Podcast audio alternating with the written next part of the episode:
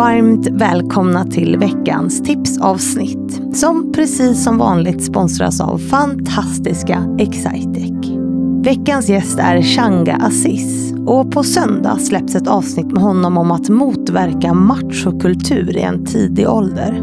Han har nämligen grundat organisationen Locker Room Talk där de jobbar med unga pojkar och ledare för att i omklädningsrummet skapa en bättre kultur. I hans avsnitt som släpps på söndag så pratar vi mer om det intressanta arbetet. Vad han möter när han är ute och jobbar med de här sakerna och vilken som är vägen framåt. Ett viktigt och intressant avsnitt med andra ord. Och eftersom hans jobb är just att ta snacket med unga pojkar och vuxna män, ja, då ska ni idag få tips på hur ni också kan göra det.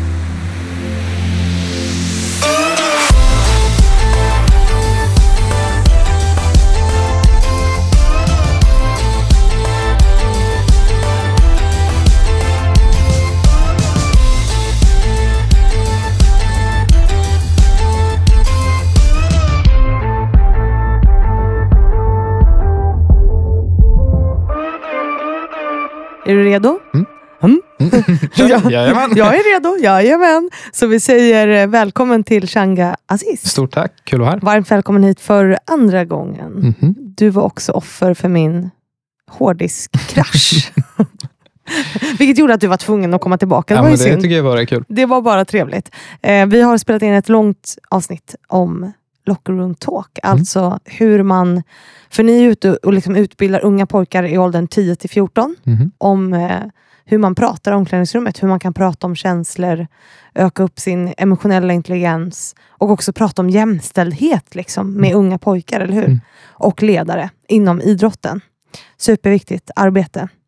Eh, så tack för det. Tack själv. Hur känns det? Jag tycker det känns bra. Det känns värdefullt att få liksom bolla lite tillsammans och få utmana varandra lite. Eller det känns som att jag fått liksom lära mig mycket av bara att få prata lite med dig och få, få tänka högt. Ja, man får tänka högt och så Mm. får man liksom reflektera över Mm. sina egna erfarenheter och, och sådär.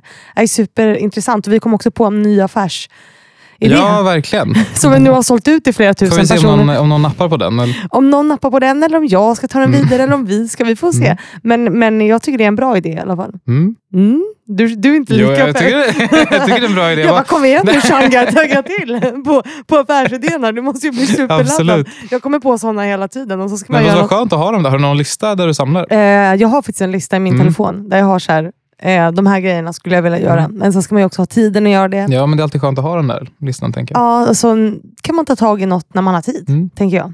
Men eh, nu ska det inte handla om mig eller hur jag utvecklar mina affärsidéer, utan det här handlar ju om dig.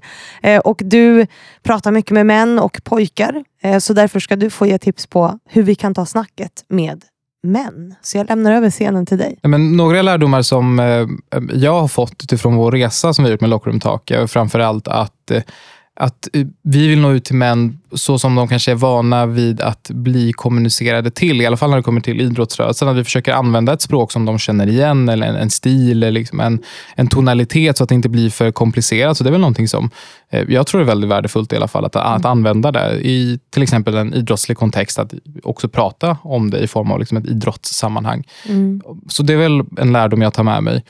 Eh, Sen så tänker jag också att, eh, att, att bjuda in till samtal och inte på något sätt slå någon på fingrarna trots att man ibland liksom kan känna sig väldigt frustrerad över att någon annan inte förstår det man själv tycker är självklart. Men det blir väldigt viktigt tror jag att, att bjuda in fler män till samtalet och, och låta dem göra fel inom rimliga gränser. Mm. Och att därifrån utmana och fylla på med kompetens. Eh, Och sen hänvisar man till andra liksom sammanhang. Det behöver inte alltid vara att det är en själv som är ansvarig för att se till att alla män lär sig allt som berör jämställdhet. Utan det finns ju många organisationer, det finns olika sammanhang man kan liksom engagera sig i. Allt ifrån om man, liksom, om man tar in oss till en klubb eller om det är Män för jämställdhet. Eller liksom där män finns och pratar om de här frågorna så, så kan man också lära sig mer. Mm. Eller googla.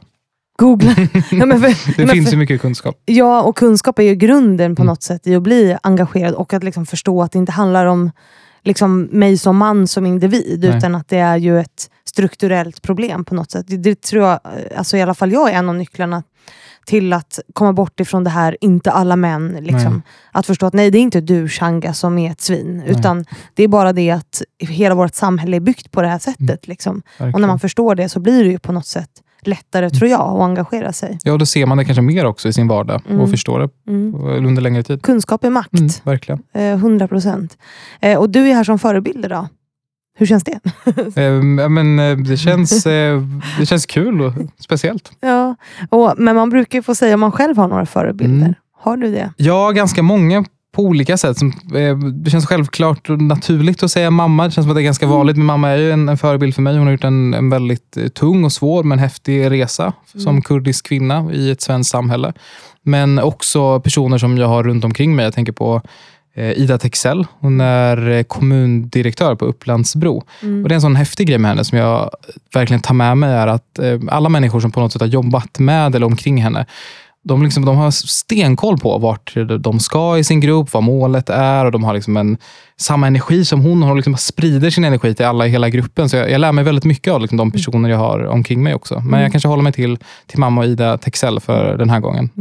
Fint, då ska vi spana in dem, eller på att säga. Du vill spana in din mamma, men kanske Ida Texell kan man Mm. spana in. Det tycker jag verkligen. Tusen tack för att du har varit här Shanga. Och så säger vi åt dem som lyssnar nu och som tittar på Youtube att de ska lyssna på ditt avsnitt. Tack själv.